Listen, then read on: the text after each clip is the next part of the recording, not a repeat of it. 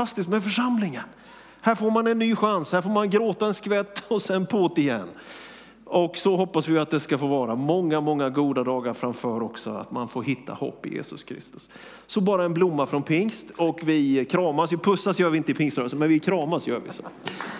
Grattis Bengt och församlingen. Någonting. Han får väl hälsa och tacka alla de där 439 andra församlingarna. Väldigt trevligt att vara här idag. Eh, innan predikan så låt mig bara nämna om att jag har med mig en del material ute i, i entrén här till kyrkan. Där finns det några böcker. Jag tycker om att skriva och om du skulle vilja så kan du få med mig hem i ett något då tillplattat format i alla fall. Om du tycker det blir för mycket i själva gudstjänsten så kan du få en mer hanterbar version i form av böcker. Jag har skrivit en bok som eh, handlar om eh, Jakobs brev. Man får följa en påhittad pastor och hans upp och nedgångar i det fallet. Jag har kallat pastorn för Peter. Och så en koppling till texterna i Jakobs brev. Det finns en om andens frukter och gåvor. Det finns en andaktsbok som heter Till uppbyggelse och en kan man säga ledarskapsbok som vi gav ut till pastorerna och det är 38 pastorer som har skrivit olika kapitel. En antologi helt enkelt om att vara i församlingsledande uppgifter. Så du får gärna ta med dig de där böckerna och eh, du får gärna betala för dem också. Det är inte helt tvunget, man kan glömma det om man vill också och vara förlåten i förväg. Det är viktigt och skönt för mig att säga att jag faktiskt varken vill eller får ha någon, så jag har ingen ekonomisk koppling till det själv, utan du tar det med dig som du vill. Och jag tycker man ska vara läsare och nu när hösten kommer är det väl extra mycket ändå chans och möjlighet att kanske få lite tid att läsa. Så får jag hälsa på dig efter mötet också. Där ute finns också lite information om vår rörelses framtidsbild. Du kan ta med dig en liten folder om det, ett slags visionsstatement om den smak, doft som vi vill ska känneteckna pingströrelsen i Sverige och jag återkommer till det i predikan strax. Där finns också möjligheten att ge kyrkoavgift. Så skulle du vilja ge kyrkoavgiften till Pingstkyrkan här i Tibro idag så får du med dig alla mina böcker som ett tack, som ett kvitto eller ett litet extra tack för att du vill signa upp dig. Du vet när man ger kyrkoavgift, det är en perfekt grej. Alltså, den är bra på så många sätt. Det ligger och tickar ett stöd till församlingen här. Man ger en procent av sin inkomst. 70 procent av den procenten går direkt till kyrkan här att göra vad man vill med i er verksamhet. 30 procent av den procenten är du med och finansierar det vi gör tillsammans inom pingst. Församlingsplantering, pastorsutbildningar, mediasatsningar. Ja, det som är det gemensamma pingst helt enkelt. Det är jätteviktigt för att det ger resurser, men det är faktiskt jätteviktigt av en annan orsak och det handlar om religionsfriheten i det här landet. Att vi visar att vi är många, att vi står tillsammans, att vi gör någonting. Det betyder någonting i de rummen som jag ibland rör mig i också, där man företräder en rörelse, att kunna också visa att det finns lite kraft bakom orden. Och tro mig, vi behöver det mer än någonsin. Vi behöver resurserna, men vi behöver ännu mer vara en gemensam och tydlig röst. Så jag vill bara så varmt jag kan uppmana dig att ta del av något av detta och känna att du också är med in i rörelsen. Hörrni, idag så vill jag läsa ifrån Markus evangeliets andra kapitel och vi läser de tolv första verserna där. Och jag vill gärna att man står upp när vi läser bibelordet tillsammans. Vi älskar den här boken, eller vad säger ni? Visst älskar vi väl Bibeln? Vi tror på den och vi lyssnar till den och vi vill följa vad som står i den.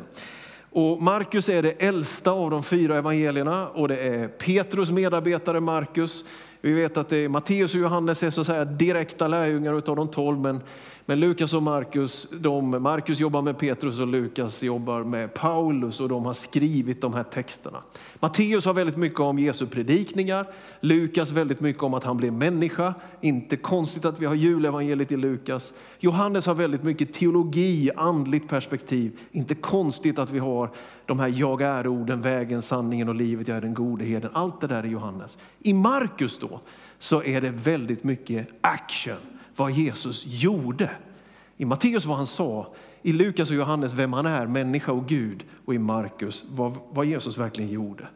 Så redan i första kapitlet registreras ett under och under och tecken som sker. Och här i Markus andra är det dags igen. Så vi läser i tro på Guds ord i Jesu namn.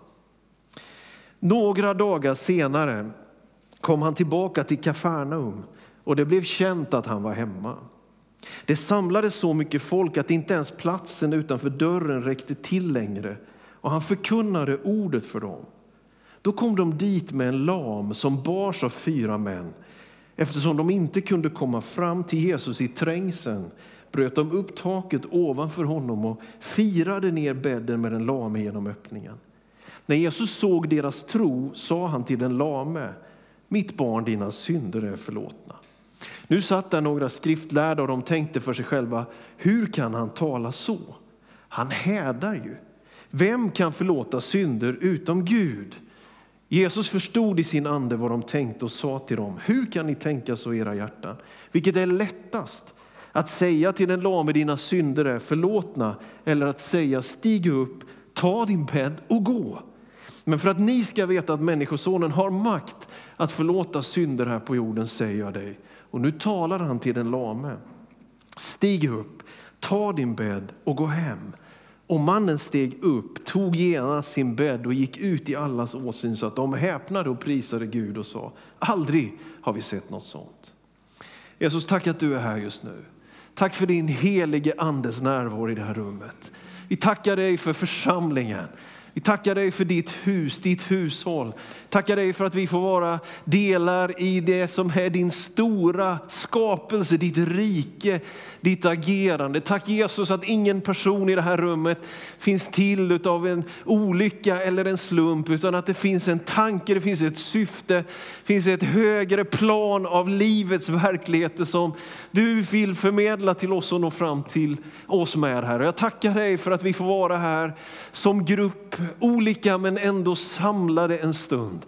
Och jag ber att vi får uppleva att någonting av evigheten bryter in i nuet, någonting av himmelen på jorden. Att vi får möta dig Herre, i sången, i bönen. Vi gör det och vi får göra det när vi läser ditt ord Herre. Tack att vi inte behöver vara på en föreläsningsklubb utan vi får vara på en plats där ord av liv kan få väcka någonting i själ och hjärta som förändrar vår blick och förändrar våra känslor och som lyfter oss in och gör något vettigt av livet. Tack Jesus för den här församlingen i Tibro Herre. Låt den blomstra, låt den få vara i frid och frihet. Låt den få tjäna så som du vill att den ska tjäna Herre. Tack för varje persons bidrag som möjliggör att församlingen kan leva vidare. Tack Jesus att du är kung. Du är en god Gud som regerar och du är vår Herre och vi bekänner dig som Herre. Du är kyrkans Herre, du är vårt ursprung, du är vårt mål men du är också vårt andetag i nuet Herre. Jesus vi tillhör dig. Vi tackar dig för syndernas förlåtelse. Vi tackar dig för den helige andes gåva. Vi tackar dig för församlingen. Vi tackar dig för att det finns en frid i oron. Det finns en styrka i vår svaghet. Det finns en läkedom i all vår brustenhet. Det finns någonting rent och vackert mitt i all vår korruption. Herre, så, så sviker du oss inte utan du ger din helighet till varje människa. Gud, jag prisar dig för ett utrymme att leva. Jag ber för den som sitter fast som är begränsad i tanke, som är på något sätt fastlåst, kanske av sig själv, kanske av omständigheterna, så ber jag att den här söndagen, på ett sätt en vanlig söndag, ändå skulle få vara en ovanlig söndag. Att du får flytta på oss, här, att du får på något sätt röra om i våra liv, Herre. Att också vår förlamning får brytas i Jesu välsignade namn. Amen. Amen. Varsågoda och sitt ner.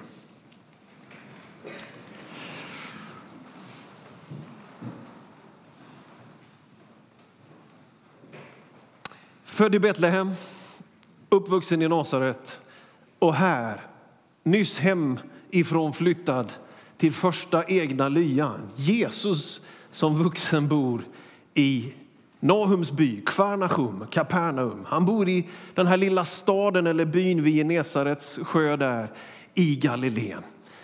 Han har varit på Ikea och köpt sitt flytta hemifrån-paket, starta eget-paket. Han har en alldeles egen situation nu, Jesus. Jag vet, det står inte så i texten, men, men ni fattar ju att jag bara målar lite bilden här. Det här är de här åren när Jesus som 30-åring agerar och rör sig allra mest i Galileen, predikar och möter människor och berör människor på ett sätt som jag tycker har så mycket att säga också till oss idag. Jesus är fascinerande och där han är, där finns en attraktion. Det är någonting med Jesuspersonen som har och fortsätter att fascinera människor. Människor som vi känner till, en sån som Mahatma Gandhi i Indien var oerhört fascinerad av Jesuspersonen. Genom historiens gång, som de här 2000 år som har kommit efter, så är det ändå så med Jesus Kristus att han lämnar ingen oberörd. Och jag är så lycklig och glad att kyrkans unika attraktion, magnet, tilldragande faktor inte är vår gudstjänst eller vår led, vårt ledarskap eller vår verksamhet. Utan att det är en förkroppsligad, en person, någon som man kan lära känna och ha en egen relation till. Det är det unika med församlingen. Att den är Jesu kropp och den samlas och i all sin enkelhet och mänsklighet så finns det någonting unikt och det är inte vår perfektion då utan det är närvaron av Jesus i mitten av den här församlingen. Guds rike är mitt ibland oss och det är någonting som är beröringsbart. Ändå kan det verka som om det är långt borta men ändå är det nära. Och det är det här som händer i Kapernaum vid det här tillfället. Att där Jesus är, där skapas en attraktion. Och jag vill ändå bara säga det till dig som kanske har en viss sträcka och varit med ett tag. Det är dags att bli fascinerad på nytt igen av personen Jesus Kristus. Vem han är, vad han säger och vad han kan göra. Det är dags att förnyas i den där glädjen och passionen av tänk att Gud blev människa så att jag skulle kunna förstå, inte bara förstå, inte bara känna till utan också bjudas in och ha med honom att göra.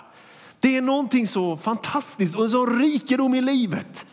Och jag tänker ibland att vi som är troende ibland har glömt bort hur stort det är att faktiskt få vara med i en församling. Det är inte så att man, ja, jag får väl ställa upp. Nej, det är fantastiskt. Tänk att man får vara med där Jesus är. Där händer det som är kyrka.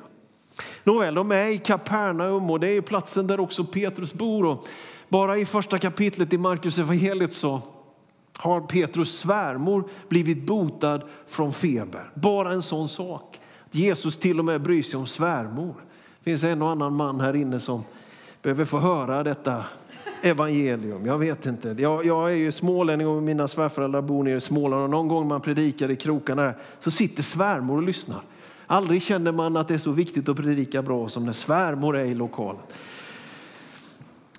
Och i alla fall, hon har blivit botad ifrån sjuka. Kanske den här händelsen som vi nu läser om äger rum hemma hos Petrus eller hos Petrus svärmor. Det kanske inte är hemma hos Jesus. Eller kanske det, det, det sägs inte. Vi är i Kapernaum och de bor där. Och någonting uppstår utav det här som är på väg att bli en rörelse, en församling.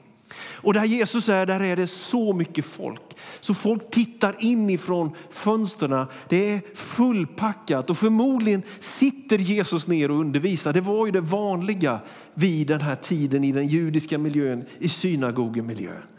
Att man kanske stod upp när man läste texterna men satt ner när man sedan började undervisa. Nåväl, han är där och det finns en sådan attraktion vet, jag har den goda nyheten att förmedla till er i Tibro. Och jag tror att ni säkert märker av det själva. Men jag påstår att det är en ny tid i den svenska kulturmyllan än om man jämför med bara fem år tillbaka i tiden. Öppenheten för evangelium är större 2019 än 2014 eller 2010. Det är min erfarenhet. Jag har i alla fall varit pastor sedan 1994. Jag har sett åtminstone någonting, också jag, av trender och sammanhang. Gå. Just nu så öppnar det sig på ett nytt sätt i Sverige och det är dags för oss som är med i kyrkan att se att Jesus är faktiskt aktuell mer än någonsin i det här landet. Det är inte alltid man kan se det i det direkta, men om du bara tittar lite till så finns det där. Ett exempel. Förra sommaren på Almedalsveckan, vi brukar åka dit. En del kallar det väl för någon slags lek, lekplats för, för politiker och journalister. Jag vet inte, det är i alla fall en tummelplats, en slags demokratisk eh, process deluxe 3000 seminarier pågår under sju dagar, åtta dagar kanske till och med nu. Partiledarna håller sina tal. Så var vi där och vi är med i lite arrangemang av seminarier och olika saker. Och så hade vi bestämt oss för att ha ett tält ute på gatorna och vi fick plats nere vid hamnen i Visby.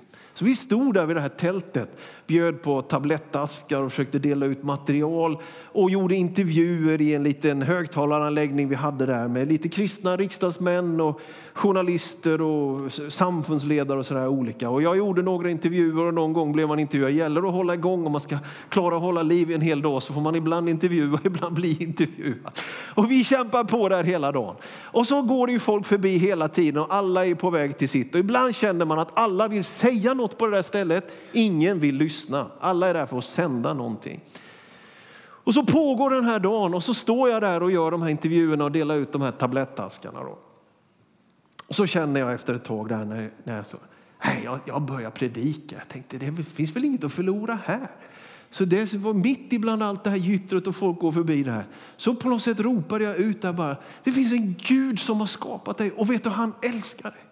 Det finns en sanning i det att han sände till och med sin egen son för att just du skulle få med honom. Enkelt grundläggande förkunnelse om vem Jesus är.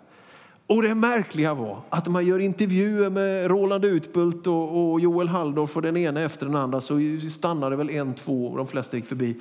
Men i det läget man öppnar upp och predikar evangelium, det var då jag fick någon som stannade och lyssnade. Det var det som var attraktionen i det vi gjorde. Det var det som gjorde att det blev en folkmassa framför. Så vi fick ju blodad tand, ett mycket märkligt uttryck för övrigt som jag inte vet var det kommer ifrån. Så vi i alla fall i år bestämde oss för att vi ska ha torgmöte. Så vi hade ett torgmöte på Donners plats, fått tillstånd till det och vi predikade rakt ut på gatorna där om att Jesus frälser och räddar människor. Och när man märker att helt plötsligt går riksdagens talman förbi, stannar till och lyssnar. Helt plötsligt några vi har med oss känner att det är någonting i rummet. Så några av dem som var där och hjälpte till och satte upp beachflags och annat börjar be för sjuka där. Kan du fatta det? Att sommaren 2019 i Visby medan jag stod och predikade eller en från LP-verksamheten delade sitt vittnesbörd och vad vi nu gjorde på de där eh, gatumötet så blev människor fysiskt botade som gick förbi där bara på grund av några frimodiga kristna som sa vill du så kan vi be för dig. Vet du, det gäller att uppgradera sin syn på vad som sker i den svenska folksjälen just nu. Öppenheten är större. Vi behöver återta den fysiska offentliga miljön. Vi behöver förstå att det finns en frukt som väntar för den som faktiskt är frimodig och gör någonting med sin kristna tro. Och där Jesus är i Kapernaum så är det då packat. Folk dras dit. Och det är det som är det intressanta, att få möta honom. Så kommer de här fyra vännerna och bär sin lame vän. Och jag har tänkt så mycket på de där fyra och jag använder dem som en bild på församlingen, på dig som församlingsmedlem. Vi vet faktiskt inte vad de här fyra hette. Vi vet inte var de bodde exakt och vi vet inte hur de försörjde sig. Vi, de har inte feta Instagramkonton och de är inte omskrivna i media vad vi vet. Men vi har en, den här berättelsen. Och de bestämmer sig för att den styrka de har ska de inte bara använda för att pumpa någonting på gymmet för att själv bli stark, utan de vet att vi har en förlamad vän som skulle behöva komma i närkontakt med Jesus Kristus. De bär sin vän till det här huset där Jesus är. Och jag ser en vacker bild av församlingen i detta. Att bära en människa fram till Jesus, det kan vi faktiskt göra genom vår bön, genom vår byggnad, genom ett sms, genom att vi öppnar upp och är gästfria och bjuder hem någon, genom att leva det här livet så blir det ett slags bärande av en människa fram till honom som kan göra det vi inte kan göra, förvandla liv. Jag hedrar dig som städar kyrkan här på måndagskvällar eller när ni nu städar den. Jag hedrar dig som är värd och står på schema och håller ut och ser till att det fungerar. Det är någonting så vackert med dem som använder sin styrka, sin förmåga till någonting mer än den egna semesterresan. köpa ännu en bil, åka ännu en gång på en weekendresa någonstans. Ja, vem ska bli imponerad av det, älskade vänner? Vi behöver vara ett annorlunda folk som förstår att i uppoffringen för den förlamade så händer någonting som förändrar också våra egna liv. De här fyra blir märkta av någonting större än att bara fixa sitt eget projekt. Det är det som är församlingstanken. Vi lever för något större än oss själva. Behöver det då vara fel att ta hand om det egna? Det är inte det jag säger. Men det jag säger är att det väldigt lätt kan bli fel att ägna sig åt sitt eget. Till församlingen kommer vi inte för att höra en bra predikan. Till församlingen kommer vi för att bidra till att det blir en bra predikan. I församlingen är vi med och lovsjunger, inte titta på dem som sjunger där framme. En estrad är en farlig plats egentligen om den sänder signalen han där framme, hon där framme, de där framme. De tjänar ju, vi andra är publik. Nej! Jag predikar inte en föreläsning nu för dig. Jag försöker att predika om Jesus Kristus och interagera tillsammans med dig i någonting som jag hoppas väcker engagemang så att du vill göra någonting för en ateist, för en muslim, för en genuint ointresserad Tibrobo som idag inte bryr sig ett dugg om Jesus Kristus och därmed är förlamad i sin själ. Det är församlingen. Församlingen är inte perfekt. Församlingen kan inte göra det omöjliga. De kunde inte bryta hans förlamning. Men församlingen kan bära en människa fram till Jesus Kristus. Och ensamheten i tiden, utsattheten i tiden, tröttheten i folksjälen gör att jag är mer än någonsin överlåten till att vart jag kommer uppmuntra och peppa dig som församlingsmedlem. Bry dig om församlingen. Älska församlingen, tala väl om församlingen, stötta dina pastorer. Var en som kommer tidigt och går hem sent. Var inte den som hänger på och ingår i den stora enkäten av allas åsikter. Var en av de fyra älskade vän som bär någon annan fram till Jesus. Det är vad den här tiden behöver. Det är det som är radikalt. Det är det som kommer förändra Tibro och hela Sverige. Det är en kyrka som inte tar utan en kyrka som ger. En kyrka som inte begär applåder och likes utan som vet att den är älskad av Gud och därför tjänar honom utan krav på motprestation. Det är det som förvandlar liv när någon gör någonting för någon annan. Och de här fyra kunde ju ha gått själva så att säga till att få lyssna på Jesus. Eller kunde de väl stannat hemma eller bara varit kvar på gymmet och tränat sig lite till. Nej, men de hämtar den här förlamade och bär honom till platsen där Jesus är. Jag tycker det är en fantastisk bild på församlingen. Och när de kommer fram där så är det folk i vägen.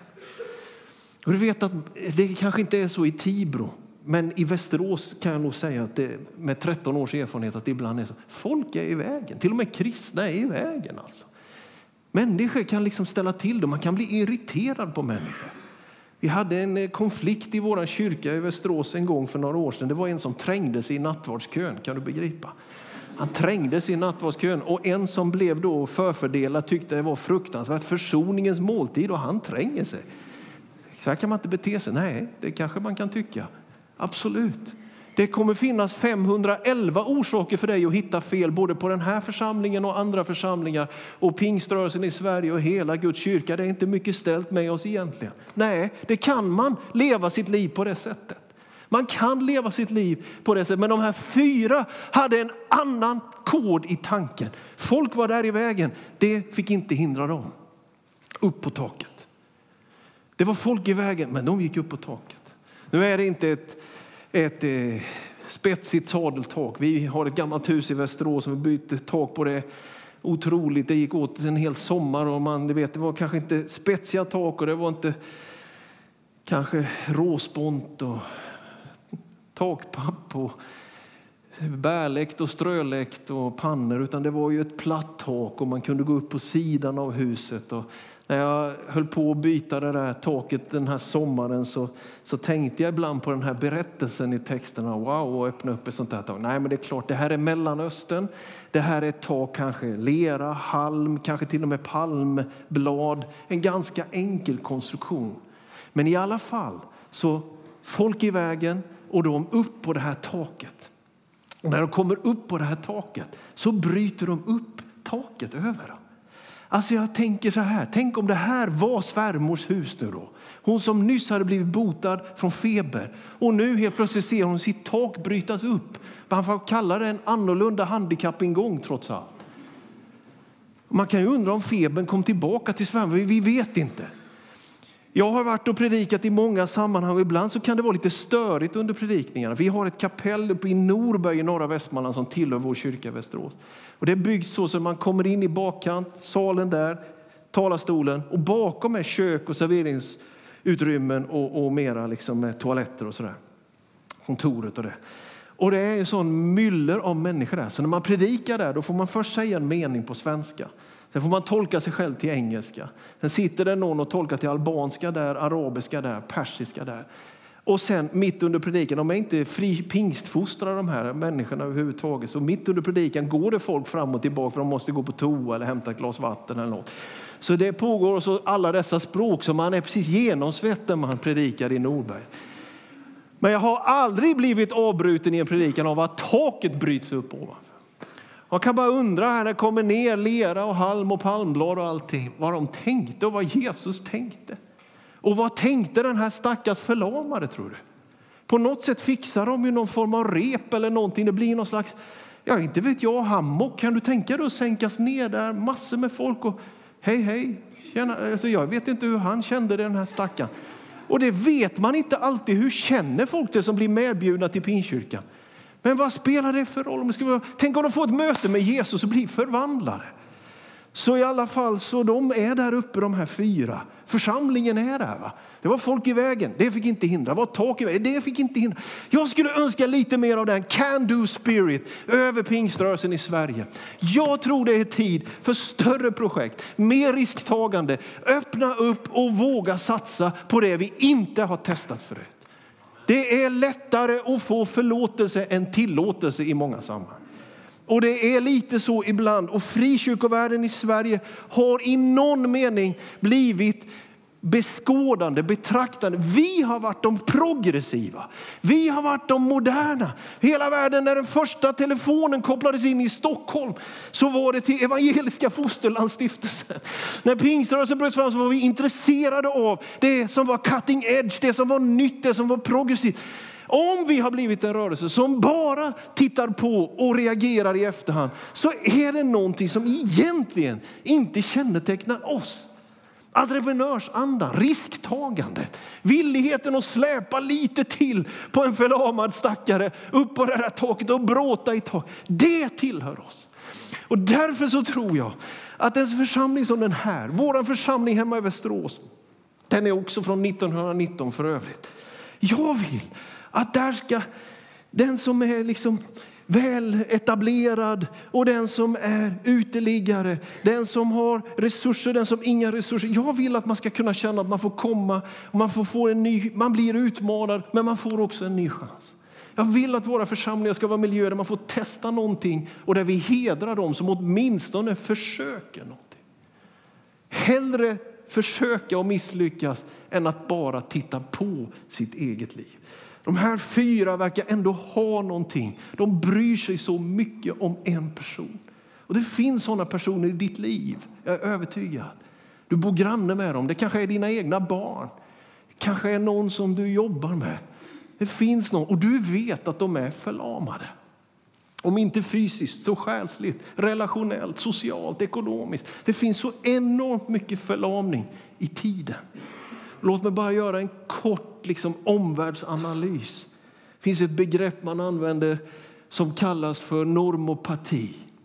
Normopatin går ut på en slags mainstreamkultur där allt och alla till slut ändå ska uppföra sig på samma sätt.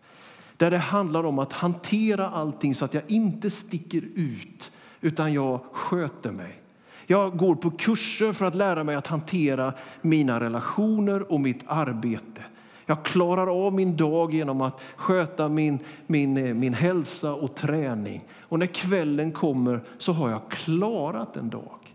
Normopatin trycker oss i en riktning som har väldigt mycket fint i sig men som ändå skapar någon slags stillestånd. Jag ska hantera mina relationer, jag ska klara av mitt jobb. Jag ska se till så att ingen typ kommer på mig. Men vet du, jag vill ändå säga i början av september här i Tibro. Guds vision för ditt liv är mycket större än att du bara ska överleva en dag. Än att du bara skulle klara av och du skulle hantera. Guds vision är något annat för våra liv. Det behöver inte vara fel, men det lägger ett lock på och det där locket behöver brytas upp. Gud kallar dig till att drömma. Gud lägger ner färger i ditt liv. Gud lägger ner möjligheter att gå vidare och upptäcka någonting nytt. Det finns en sån latent skaparkraft inom varje människa som jag tror att han, Gud själv, vill förlösa. Att våga ta steg och gå vidare. Det är rörigt. Det är saker som alltid kommer att störa. Men vad, vad vackert det är med dem som vågar och törs någonting. Ja, nåväl, så sänker de ner den här och hammocken gungar där. Kapernaum, hammocken kallar vi den här idag. Så kommer han ner den här killen mitt framför alla dessa människor. Och då står det, när Markus tecknar ner det här, någonting som är så fantastiskt. Jesus såg deras tro, de fyras, församlingens tro, inte den lames tro. Han såg deras tro och sa, dina synder är förlåtna till den lame. Det är någonting av församlingens förbön, församlingens tro, församlingens aktiviteter som menar till att ta någon till Jesus för att den ska få uppleva detta fantastiska. Dina synder är förlåtna. Jag vet, när man säger det 2019 så är ju nästan risken att man blir anmäld till Diskrimineringsombudsmannen. För några år sedan så var det en låt med i Melodifestivalen, I'm nor a sinner nor a saint. Eh, den här kulturen växlar med är inte skuld till försoning utan det är skam till förakt. Det tidsandan levererar till människor handlar om vad som syns och märks och vad någon får veta om mig.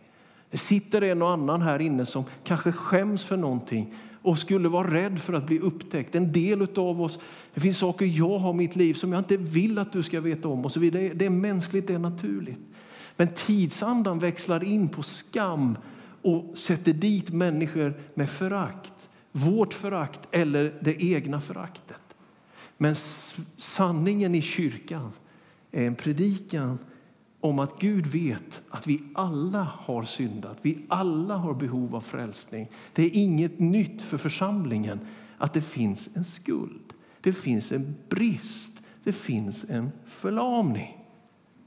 Och Jesus säger dina synder är förlåtna. Mer än någonsin behöver kyrkan leva det här livet. Alla är välkomna. Det är inte någonting bättre eller sämre med oss. Vi som är med i församlingen har inte skött oss bättre. Vi har bara mött en som kan förvandla våra liv. Vi är inte en församling som sprider en skamkultur. Sköt dig och skärp dig. Du får nåd så länge du liksom kommer in utifrån och blir frälst och död. Men från dag ett i, som du har kommit in i församlingen så ska du sköta dig enligt alla parametrar. Och så blir det någon slags smal värld, liten värld, fariseisk värld, hycklande värld där vi själva också dör. Nej, kyrkan måste alltid stå där och predika. Dina synder är dig förlåtna. Det finns upprättelse, det finns befrielse. Och det är det Jesus gör till den här förlamade mannen.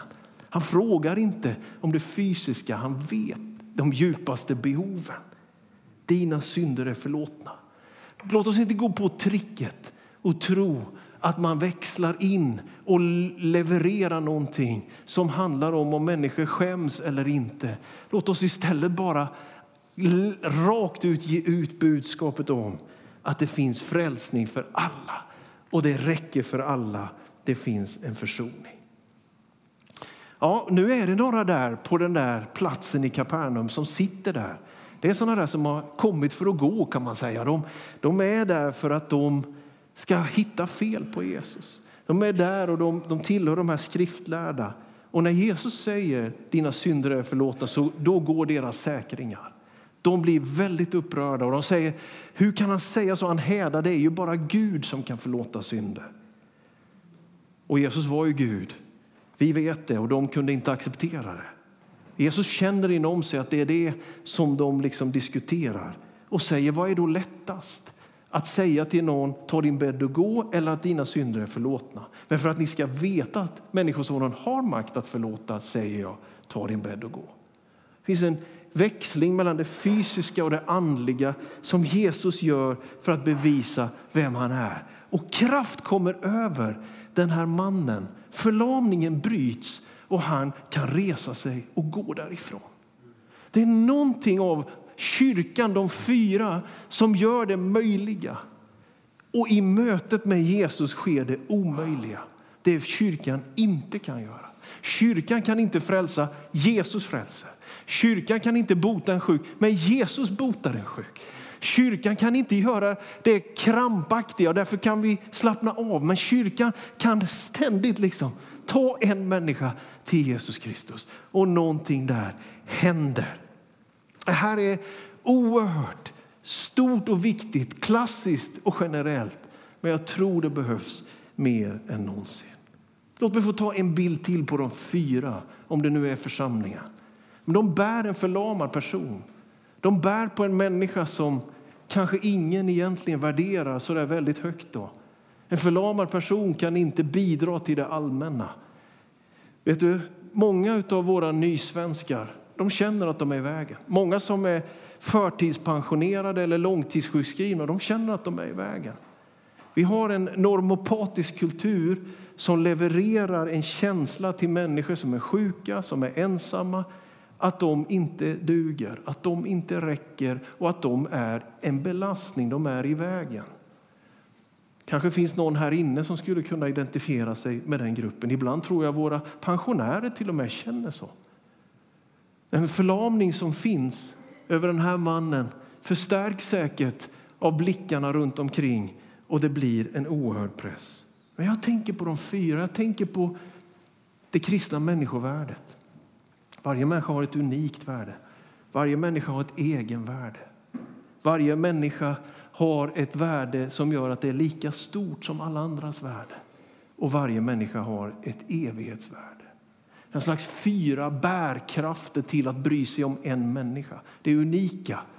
Trots att det finns så många andra så är det ingen som kan ta din plats. Det finns ingen som du på hela jordens yta. Det finns ingen som du. Det är därför, tror jag, som det står om herden som letade hundrade fast han har 99. Det finns ingen som du. Det finns ingen som den här förlamade mannen. Det finns ingen som den här som är kriminell idag. Det finns ingen som den människa som är muslim idag. Det finns ingen som den människa som är ateist idag. Det finns ingen som den människa som häcklar. Varje människa är älskad av Gud och har ett unikt värde och kyrkan måste orka och stå för det. Be för sina motståndare, välsigna dem som förbannar och bära människovärdet. Det här är inte vad som sker i tiden. Debatten blir allt hårdare och människor ställs mot människor. Kyrkan måste vara en annan röst, ett annat rum. Det unika värdet, egenvärdet. Människan måste få kärlek och älskas för att hon faktiskt är den hon är, inte på grund av det hon gör. Hon är en mänsklig varelse, inte en mänsklig görelse. Det är lika värdet. Ingen är mer värd och ingen är heller mindre värd. En församling får aldrig värdera någon högre än någon annan och inte heller någon mindre än någon annan. Och människan har ett evighetsvärde.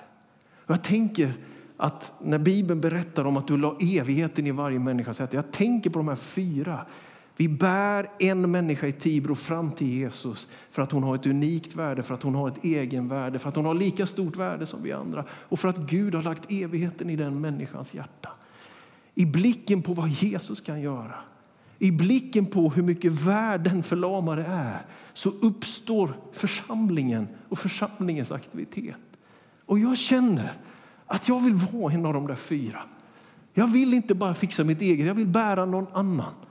Jag känner att jag vill stå för en varm rörelse som inte pekar finger utan som ägnar sig åt diakoni och goda gärningar i den helige Andes kraft.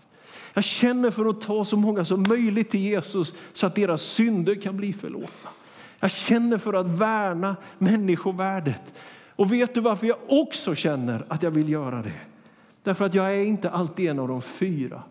Ibland är jag den femte. Ibland är det jag som behöver bli buren. Ibland är det jag som är förlamad. Ibland är det jag som har tappat konceptet och då finns det andra som bär mig. I den här församlingen i Kapernaum fanns inte bara fyra, det fanns fem så att säga. De visste om, bara vi är nära Jesus så kan någonting hända. Vi kan informera, något formera. Han kan transformera. Och därför så, för att landa den här predikan, är min utmaning till dig. Vill du vara en av de här fyra? Idag kanske du till och med skulle kunna vara en av de förlamade på något område. Jag vet ju inte din situation, men jag vet att om vi tillsammans är församling på det sättet kommer det här landet kunna vändas i väckelse igen. Det finns små tecken, men det behövs en kyrka som sliter och kämpar upp på taket, bryter fram till Jesus med varje person. För varje person är värdefull, kosta vad det kostar vill. Det är den rörelsen vi ser framför oss. Det är den längtan som jag hoppas finns i våra hjärtan. Kan vi stå upp en, en stund så vill jag bara leda bön. Och jag har två frågor som du får gensvara på. Det blir personlig förbön med betjäning under nattvardsfirandet här. Men, men just i anslutning till predikan så har jag bara som två frågor till dig. Vi kan ha våra ögon slutna i respekt för varandra. Finns du i det här rummet som känner av att nej, jag är den förlamade på något område i ditt liv? Saker som har sagt, saker du själv har gjort eller rent fysisk sjukdom, precis som den här mannen i Kapernaum. Men någonting förlamar. Tappat din frimodighet. Det är länge sedan du tog någon risk, tog något steg på det sättet. Du är som förlamad. Om du finns här i det här rummet och bara med respekt för varandra så, så, så kan du räcka din hand till Gud just nu. Att Han kan få möta med dig och bryta den förlamningen som kan finnas i ditt liv. Det är min första av två frågor. Jag ska ställa en fråga till sen som handlar om de fyra såklart. Men räck din hand till Gud nu om du har ett behov av att han bryter förlamning i ditt liv. Jag tror väl att jag ser ungefär tio händer just nu. Kanske finns ett självförakt, kanske finns någonting som har blivit fel. Kämpa med frestelse, du dömer ut dig själv, du skäms. Men idag är det din stund att få komma nära Jesus igen. Och vi är dina vänner just nu. Vi firar ner dig så att säga, mitt framför blicken av honom som ser igenom allt och ändå aldrig slutar älska oss. Jesus, jag tackar dig för de som har räckt sin hand just nu. Tack för dessa människor. Du ser vad, de, vad det står för. Vilka områden i sina liv som de skulle behöva ja, men församlingens förbön och bli burna fram till dig och att du får säga ditt befriande ord, Herre. Jesu välsignade namn så tackar jag dig för möten med dig den här söndagen som bryter förlamning. Bort ifrån det som bara passiviserar och sätter oss liksom i en plats som inte vi ska vara i. Tack Jesus för att du botade den lame mannen i Kapernaum. Du gav glädje till honom och många, många. Tack att du gör det här också, Herre. Du botar oss, Herre från det som har brutit ner oss. Du befriar oss, Herre, från det som, som pressar oss, Herre. Tack Jesus för att vi får bara tro att i det här ögonblicket, i det här rummet, genom din heliga Andes närvaro sker någonting, Herre. Halleluja. Bryt förlamningen, den som sitter fast i osunda vanor och mönster. Kanske du sitter fast i beteenden som du vill ta dig ur. Kanske du pratar på ett sätt som du vet bryter ner både dig själv och andra. Kanske du ägnar dig åt saker som du skäms för innerst inne. Kanske någon har sagt någonting som har lagt en sordin liksom över ditt liv. I Jesu namn, var fri. Befrielse i Jesu namn över dig. Du ska bli fri att prisa Gud. Du ska bli fri från människofruktan. Att inte bara tänka in vad tycker den, hur blev det och allt i det här kalkylerat. Nej, du ska vara en fri själ. Gå, drömma, vidder, vyer. Större luft att andas. Jesu namn, Gud välsigne dig. Tro verkligen att han rör vid dig. Min andra fråga handlar såklart om att vara en av de där fyra. Hallå, Åh, ta en risk, våga släpa, liksom, bära andras bördor, kämpa, inte ge upp när det kommer folk i vägen. Allt det där som är den här berättelsen. Var finns du som vill vi kan räcka vår hand också igen, men, men på något sätt framförallt, ja, men jag vill bara säga, liksom, var finns du som vill förnya din överlåtelse till församlingen? Till någon annan? Till den förlamade, till att ta någon närmare Jesus genom vad än det är du kan bära. Människovärde, aktivitet, engagemang, gästfrihet. Jag vet inte den större bilden. Att inte bara gå på det här gymmet och bli stark själv. Liksom. Utan bära någon annan, en person. För att den är värd kärlek, det unika värdet som den har. Hundra år på nacken som församling, olika många år som individer i det här rummet, hur många år vi har vandrat med Gud. Av och till behövs det här tillfället att ta ett nytt avstamp. Du som skulle vilja förnya kärleken till den förlamade, så att säga. Kärleken till församlingen. Också du kan väl räcka din hand nu. Du gör det ju inte till mig, du gör det till Gud. Så har vi respekt för varandra och så sker någonting i det här rummet som, som kan bli ett, på riktigt betyda en skillnad för så många människor. Det är många händer som är uppräckta.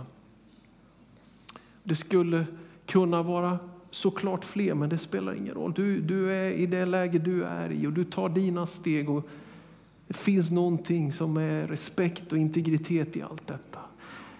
Men nu ber vi tillsammans. Jesus, jag, jag ber för dem som på ett särskilt sätt den här söndagen ändå vill bara indikera att man vill vara en av de fyra. Kunna bära någon annan, kunna bry sig om någon annan, hämta någon annan, släpa på någon annan rent av. Upp för trapporna, bryta i det som behöver öppnas upp för att kunna få fram en person till dig Jesus. Jesus, jag ber och jag tackar dig för att det finns så mycket förmågor i det här rummet, så mycket kreativitet, så många relationer, så mycket i det dagliga livet som finns där. Tack Jesus för att jag får be dig om någonting varmt, vibrerande, någonting som drar till centrum. Låt den här församlingen få uppleva att någonting sker under det här jubileumsåret som ökar den här närvaron utav att du gör någonting och vi ska göra vår del. Jesus, jag ber om en församling som gör det möjliga och som får se att du gör det omöjliga.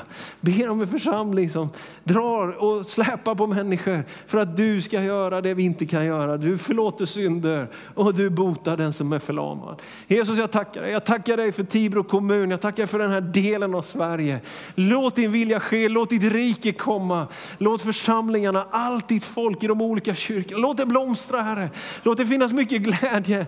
Låt det finnas folksamling församlingar. Låt det finnas det här rummet som är det större rummet, Herre. Gud, vi ber, vi ber för Sverige idag, Herre. Vi ber för riksdag, regering. Vi ber för politiker som har inflytande, företagsledare, idrottsvärlden, kulturen. Där vi rör oss, Jesus Kristus. Vi ber att församlingen ska kunna vara den här gemenskapen där i Kapernaum som drar till dig, Herre. Tack, tack Jesus för din stora blick, Herre. Du bara såg deras tro. Och jag ber att du ska kunna se vår tro, att den ska synas, att vi tror på dig. I Jesu namn. Amen.